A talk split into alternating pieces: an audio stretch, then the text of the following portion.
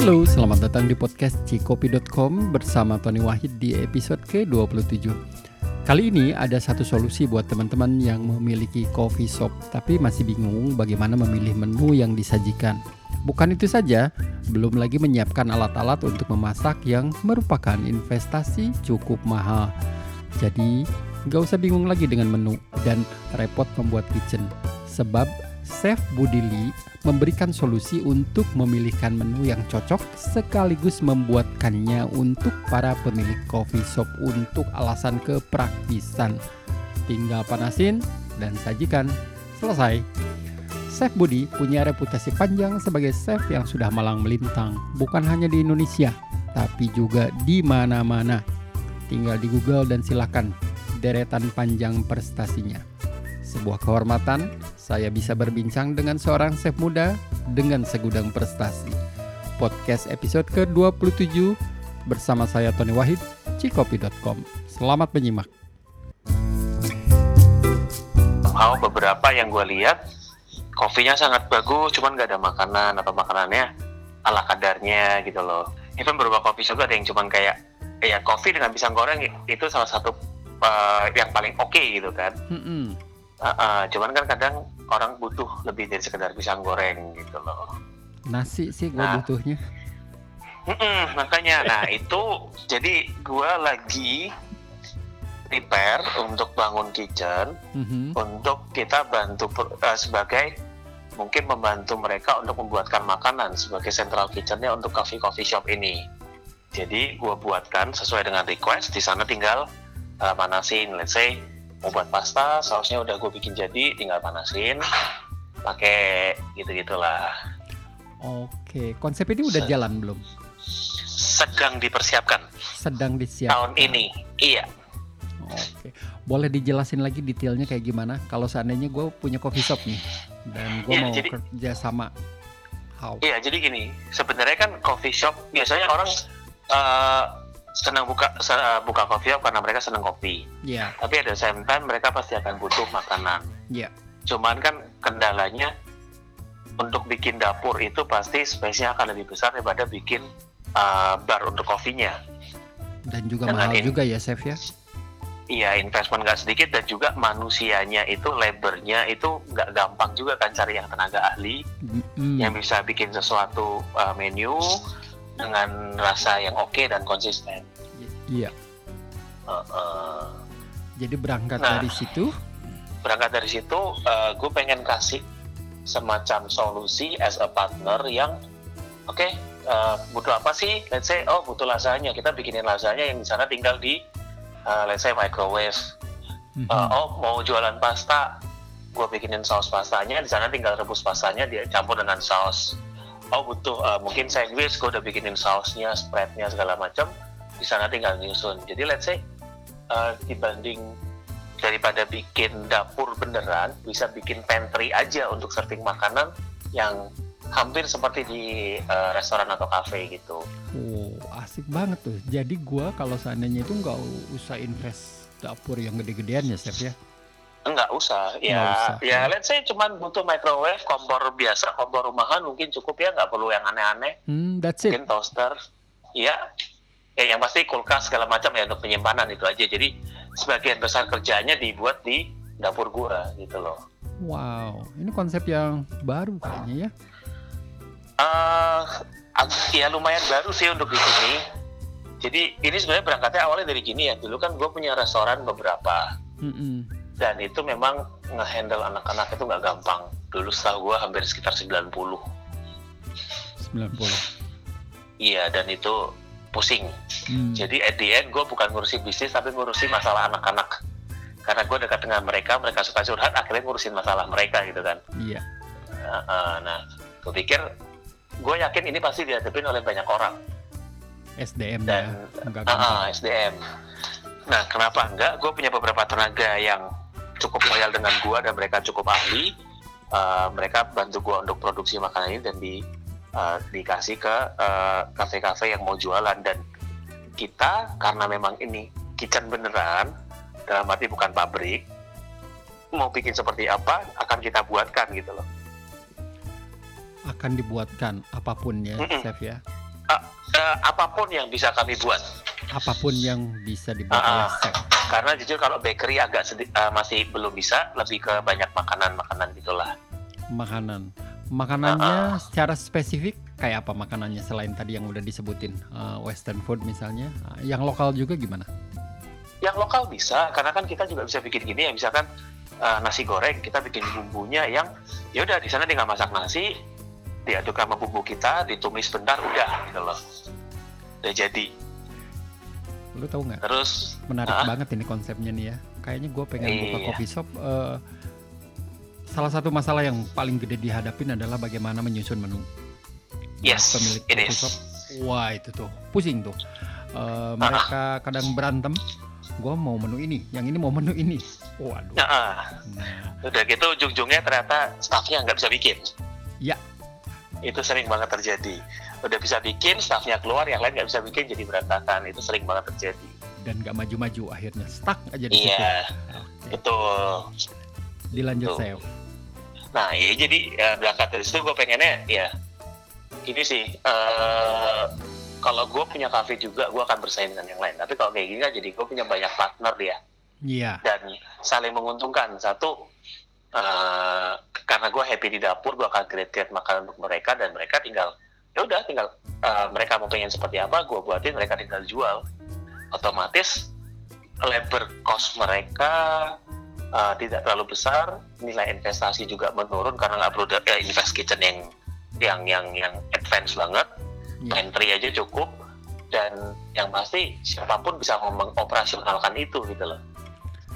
Sebuah bisnis model yang inovatif dan ini seperti misalnya perusahaan gue. Udah sourcing aja ya. Gitu mungkin Chef, ya. Betul, betul, iya. Dan sebenarnya konsep ini sudah lumayan banyak di Jepang. Di Jepang ya. Hmm. Di Jepang udah banyak. Karena Jepang itu struggling dengan satu manpower Ya. dan juga space. Kita tahu lah Jepang space-nya mahal banget. Iya iya iya. iya. Iya kan? Dan manpower di sana mahal apalagi yang anak mudanya sekarang sedikit. Hmm. Nah, kalau di Jepang bisa, kenapa kita nggak bisa? Karena kan sekarang lumayan banyak ya coffee shop coffee shop kecil yang bener cuma coffee shop doang, cuman dia punya satu kompor kecil sama toaster sama microwave. Iya. Lalu ya mereka mau jualan apa gitu kalau kalau kalau mereka nggak bisa produksi, nggak semuanya punya ada produksi Betul. gitu. Sebuah terobosan chef dan nah pertanyaan selanjutnya adalah kapan? Targetnya tahun ini, gue target gue target gue sih eh, September udah jalan, September ini. fully operate. Uh, uh. sekarang sih sebenarnya kalau sekarang kecil-kecil udah mulai bisa, cuman kapasitas uh, dapurnya belum maksimal karena masih uh, mau direnov. Hmm. oke. Hmm, peralatan sudah ada semua, tinggal ini pindahin barang, rapiin, jadi dapur produksi gitu. Buat nanti yang dengerin podcast ini, Chef Budili, jejak rekamnya sudah sangat panjang sekali. Udah gue tahu sih. Jadi lu tinggal Google aja. Makanya gue ngajakin podcast dan ketemu dengan konsep yang ini, sebuah inovasi di mana teman-teman kopi bisa mensourcing makanan dari seorang chef yang sudah nggak usah dipertanyakan lagi deh uh, kualitasnya. Gitu ya, Thank you. Waduh. Iya, thank you. Moga-moga juga jadi nambah banyak teman orang-orang kopi nih. Banyak chef banyak banyak tentunya nanti teman-teman gue juga eh, yang dengar podcast ini tentu banyak yang ingin tahu nanti realitasnya di tahun ini ya chef ya Ah, pasti tahun ini. Eh, bulan apanya? Target kita di Oktober ada kemungkinan lebih cepat.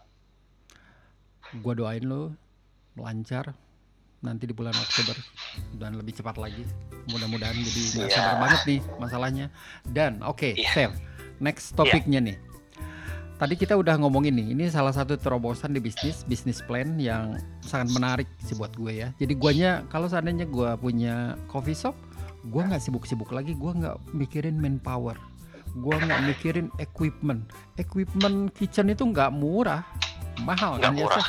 sangat Yes. mahal dan bisa melebihi investasi alat-alat kopi gue percaya itu Betul, mahal banget banget. banget. Belum lagi kita ngomongin masalah space wah dan Iya. birokrasi perizinan dan lain sebagainya Betul dan lagi manpowernya dan segala macam ya.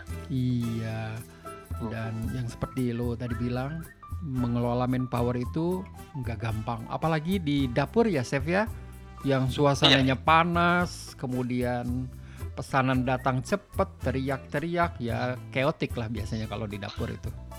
Iya, dan memang uh, tidak apa namanya eh, nggak segampang. Kalau saya gini ya, oke kopi kopi memang tidak mudah, tapi kitchen itu variabelnya jauh lebih banyak. Oke, variabel kan? gagal maksudnya ya, Chef. iya betul, karena uh, let's say satu orang mungkin kalau kalau kafe penuh hmm. uh, satu orang bisa bikin kopi mungkin dalam satu jam 40 cup di kitchen nggak mungkin satu orang satu jam kerja 40 piring sendirian nggak mungkin itu ya saya nggak mungkin itu belum lagi membuat sebuah sistem? Iya belum lagi sistemnya dan segala macamnya investasinya menjaganya merawatnya. Waduh. itu memang cukup ribet. Ribet banget. Uh, gue sih tahu misalnya harga untuk ventilasi. Mahal banget. Hmm. dan listriknya gede banget ya ternyata iya betul. Betul betul banget. Memang uh, ya dan itu sangat sangat vital kan karena kalau nggak ada ventilasi pengap juga di dalam dan dan pernah jadi pernah ada satu satu klien gua yang dia sangat menggampangkan ah udahlah kita udah punya jendela gede kok biarin aja oke okay. Terus? cuma bertahan cuma bertahan setengah hari pembukaan tutup besoknya bongkar bikin exhaust baru tahu bahwasanya aroma bisa ke mana-mana ya oh, bener bener dan dan panasnya itu nggak panasnya oke okay. Chef, untuk jenis iya. makanan ya. nanti yang disiapkan kalau kita boleh tahu nih apa saja uh. sih secara spesifiknya yang bisa ditawarkan kepada coffee shop dan sebagai chef tentu lu kan tahu lah bisa merekomendasikan kayaknya yeah. makanan ini cocok nih makanan ini cocok nih gitu nah, sebenarnya gini ya kalau dari konsep yang gue buat sendiri kan uh, eh, gue tidak memfokuskan pada salah satu makanan tapi kita lebih kayak uh, we are your solutions untuk membuat makanan yang lo mau. Mm-hmm. Iya kan? Mm-hmm. Tapi kalau biasanya di coffee shop rata-rata sih yang pasti kue karena temennya kopi pasti mereka butuh yang manis-manis. Tapi mereka juga butuh makanan-makanan berat karena sekarang ngopi kan juga uh, bukan cuma sekedar ngopi dan ngopi dan ngemil aja. Iya. Kadang orang bisa nongkrong di coffee, uh, coffee shop seharian, mereka butuh makanan cukup berat.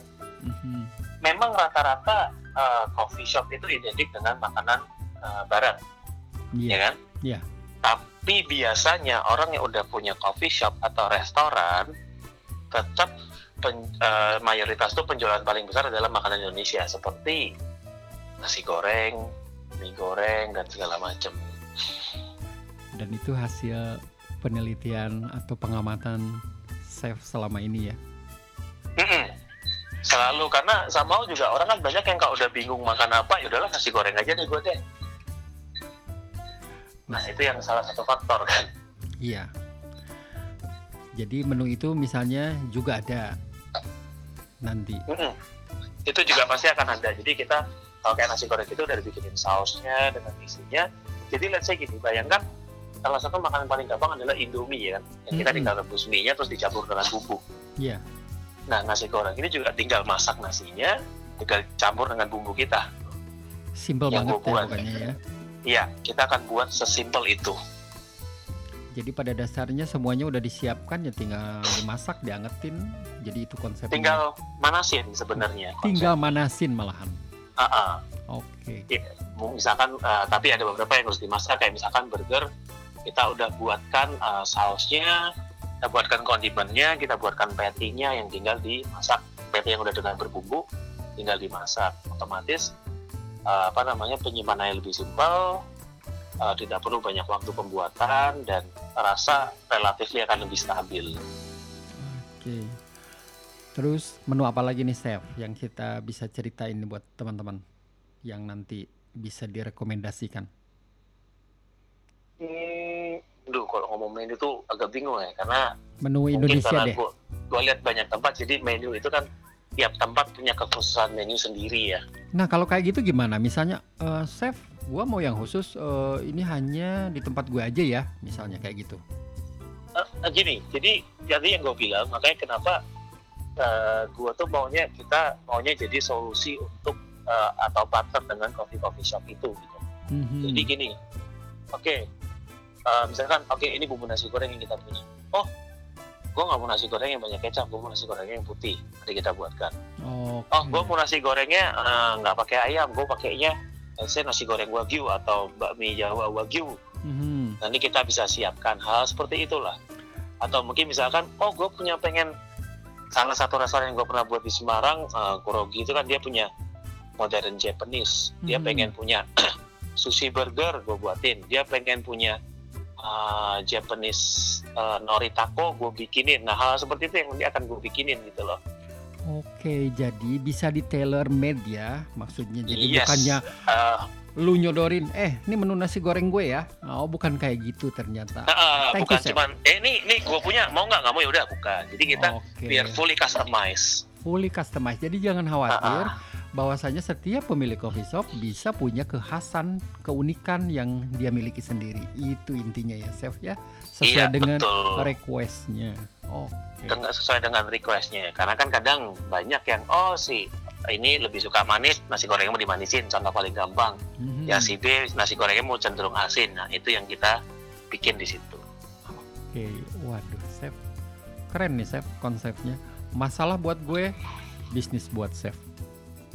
Nah itu dia yang gue pengen memang bikin bikin bisnis yang ini memang juga nggak gampang juga Oke. meres otak juga soalnya Eh, gitu ya tapi eh, dari teman-teman gue memang ah, menu itu tantangannya banyak banget, chef. Banyak banget. banyak banyak Iya. banyak banget Dan, dan seperti halnya juga dengan gue untuk gue buka coffee shop atau restoran juga coffee sedikit tantangan juga buat gue gitu jadi kayaknya I do my side I do my what I can do which is masakan Mhm. kopi gue jadi penikmat aja gitu sama eh, kita berdua sama-sama penikmat. Jangan Gitu diteliti, jangan dibuat ribet kata si Adi. Minum aja. Ah, bener Ah, minum aja enak ya udah gitu. Udah gitu. Jadi jangan didikte sama orang, "Eh, ini kopinya enak ya. Oh nggak bisa. Ini kopi ini yang enak buat gue. That's it. betul betul nah itulah salah satunya kenapa kita bikin uh, kitchen gua ini uh, production kitchen gua ini fully customized karena apa apa yang enak menurut gua belum tentu enak menurut si pemilik kafenya belum Mhm. tentu cocok dengan market dia makanya we are fully customized I see. gitu Kita boleh ngomongin harga nggak? Atau belum dulu ya? Eh, gini harga itu kan sangat tergantung dari bahan apa yang akan dibuat jadi harga itu akan sangat benar-benar berbeda dari eh, mungkin kafe ke kafe atau ya kalau bahannya sama harganya kurang lebih akan sama gitu loh Oke. Jadi Ah. itu sangat tergantung dengan bahannya, tingkat kesulitannya dan lain sebagainya lah ya, chef ya. Ah, ah, betul betul betul Oke, kok gue jadi sotoy gini ya? nggak tapi memang karena kan juga Mhm. gini ya pada saat kita buat kalau dibandingkan harga yang sudah dibuat oleh oleh tim gua nanti yang sudah di packaging pasti akan sedikit lebih mahal dibanding kalau beli barang mentah dan dibuat sendiri Menarik. Ya kan? Menarik. tapi tapi orang yang suka lupa itu adalah oke mereka beli barang mentah misalkan gue mau bikin sambal terasi deh dia beli bisa bawang putih bawang merah Mhm. cabai terasi garam oke misalkan dia belinya 5000 terus waktu dibeli di gua loh tempat budi kok 8000 atau mungkin 10000 misalkan Mhm. iya itu pasti akan terjadi karena satu hal pasti gua akan ambil untung Iya, which is make sense itu bisnis bisnis. tapi tapi gini oke sambal terasi yang 5000 itu untuk membuat sambal terasi yang 5000 itu pasti kan akan butuh beli ulekan butuh eh, buang waktu ke pasar untuk belanja Mhm. butuh tenaga kerja untuk ngupas untuk mengulek terus butuh kuali lagi minyak untuk masak. Belum lagi hari ini bikinnya keasinan besok kurang asin. Itu kan akan sangat berpengaruh. Nah itu yang kadang orang suka lupa untuk menghitung gitu loh. Hmm. belum lagi kan gini. Iya. oh seharusnya kalau dia bikin sendiri semua dia bikin dapur seluas let's say 20 meter. Mhm. oh ternyata karena sekarang udah dibuatin semua dia cuma tinggal bikin pantry se- segede 5 meter itu kan sisanya bisa digunakan untuk yang lain atau mungkin bikin tempat duduk atau apa gitu kan Buat bisnis lebih menguntungkan ya, chef. betul betul dan Hmm. nggak usah pusing gitu Nggak usah pusing. tiba-tiba tukang masaknya aduh sakit nggak masuk nggak bikin saus terus rasanya beda tamunya kecewa gitu kan. Iya, iya. Oke. Nah, sebagai komparasi nih, Chef, boleh nggak tuh diceritain teman-teman yang kepengen punya kitchen sendiri di coffee eh, di coffee shopnya? Nah, tentu Chef bisa cerita nih, berapa biayanya, berapa lahan yang harus disiapkan, dan lain sebagainya. Sebagai komparasi nih Chef, antara lo punya sendiri daripada sourcing kepada Chef Budi misalnya. Oke, biasanya satu kitchen yang eh, paling simple yang dibuat untuk satu coffee shop itu gedenya sekitar 3 kali 5 kurang lebih dengan inilah investasi sekitar 200 juta Dua karena it, ya 200 juta kurang lebih itu minimum ya gue bilang kita baru ngomong minimum ya Chef 200 juta. yes Gua Iya, langsung 200 juta minimum dilanjut Chef. Gila 200 Iya. juta. Kar- Iya, karena kan kita satu tempatnya harus besar, Oke. kedua peralatannya juga harus eh, relatif. Karena gini, mau bikin sesuatu, ya dia harus mulai dari nol kan, Iya. dan itu nggak murah gitu. Bahkan gue sempat bikin kitchen yang nilai kitchennya itu, ini bukan gue punya, punya klien dulu ya, Iya. sekitar hampir 2 m 2M hanya untuk sebuah kitchen ya Chef. kitchen aja. Kitchen aja. Dan pada saat kitchennya jadi, ternyata dia nggak punya budget untuk meng-hire chef yang oke. Jadinya kitchen 2M itu menurut gua berfungsi seperti kitchen yang seharga cuma 200 juta. Karena chefnya nggak sanggup makainya, nggak bisa makainya gitu. High end. Sayang banget ya Chef. Yes. Nah itu kan karena gini, semakin bagus kita bikin kitchen, semakin besar, semakin high end, otomatis orang yang mengoperasionalkan juga harus bisa dong. Let's say, let's say uh, ini no offense ya, Mm-mm. kita uh, beli Ferrari tapi suruh uh, maaf supir baja yang bawa, mana bisa? Iya. Nah, Iya kan? Kan Iya. iya jadi jadi kayak bawa bajai gitu nabrak-nabrak. Iya.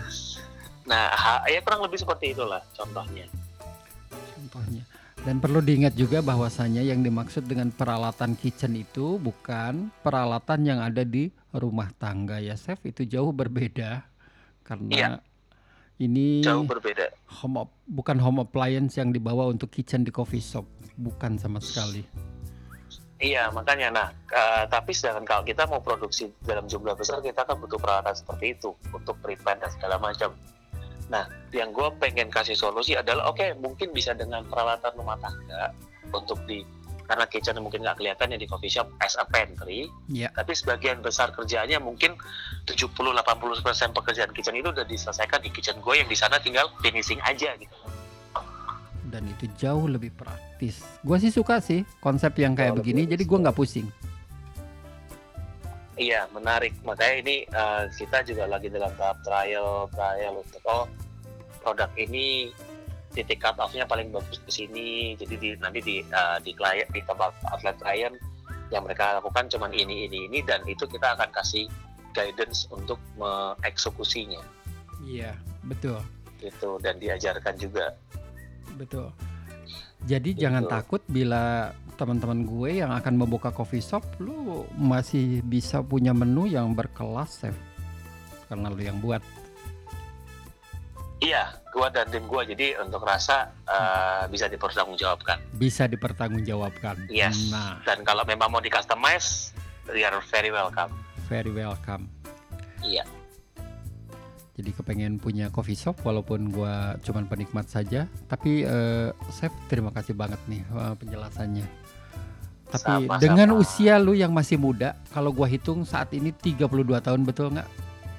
Waduh, langsung disebutin ya. Oh nggak usah disebutin. Iya, betul betul. masih betul. 28 28 4 tahun yang lalu, sekarang 32. dengan prestasi yang sudah ke mana-mana. Pernah punya restoran yang gue suka. Thank you. Eh, konsep ini tentu eh, semoga bermanfaat, Chef. Jadi kit- ya at least orang kopi bisa konsentrasi sama kopinya. Dan karena urusan dapur udah lu yang handle. Serahkan ke gua. Jadi Iya, kita sama-sama happy nantinya. kita sama-sama happy. Kopi enak, Iya. makanan enak. Dan jangan lupa ya, Chef, ya Iya. memang di Indonesia itu ya susah ya. Mungkin konsep coffee shop di Indonesia itu ya jauh berbeda dengan yang di luar misalnya yang gua tahu. Tetap Iya. di kita itu harus ada makanan berat ya, Chef. Nasi dan Harus. lain sebagainya nggak bisa kita kalau nggak ada itu. Ha-ha.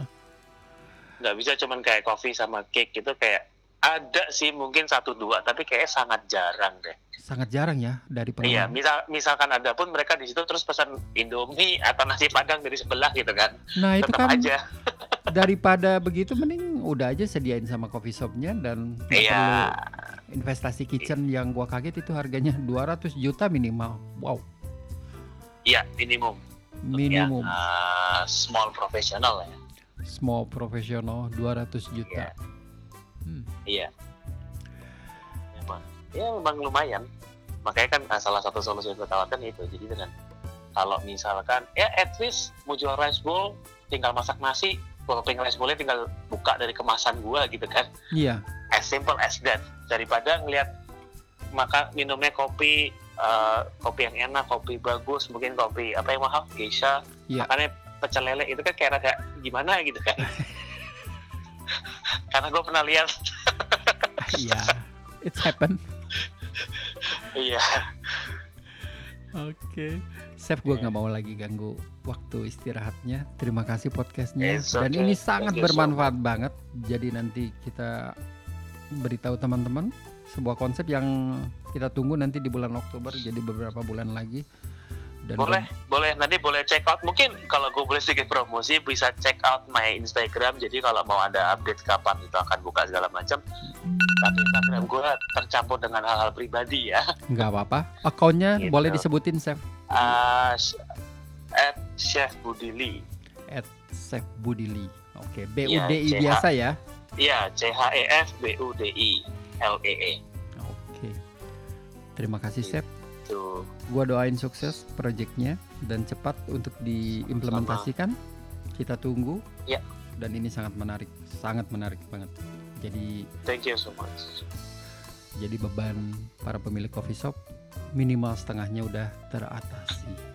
Iya, setengahnya dibebankan ke gue aja nggak apa-apa deh. Nggak apa-apa, nggak apa. Iya.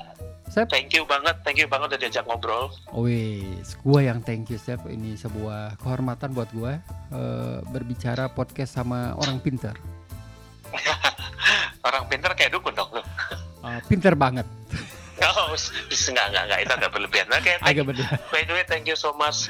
An honor to talk with you, Pak. Honor is mine, Chef Budi. Terima kasih, selamat istirahat. Sampai nanti kita Terima ngobrol kasih. lagi. Thank you ya. Yuk, Thank you, sampai jumpa. bye. Itu tadi Chef Budili, terima kasih sudah menyimak podcast Cikopi episode yang ke-27 dan jangan lupa untuk menantikan podcast episode selanjutnya yang bisa diakses di iTunes, Spotify, Google Podcast, Podbean, dan lain sebagainya. Tony Wahid pamit, salam dan jangan lupa tetap ngopi.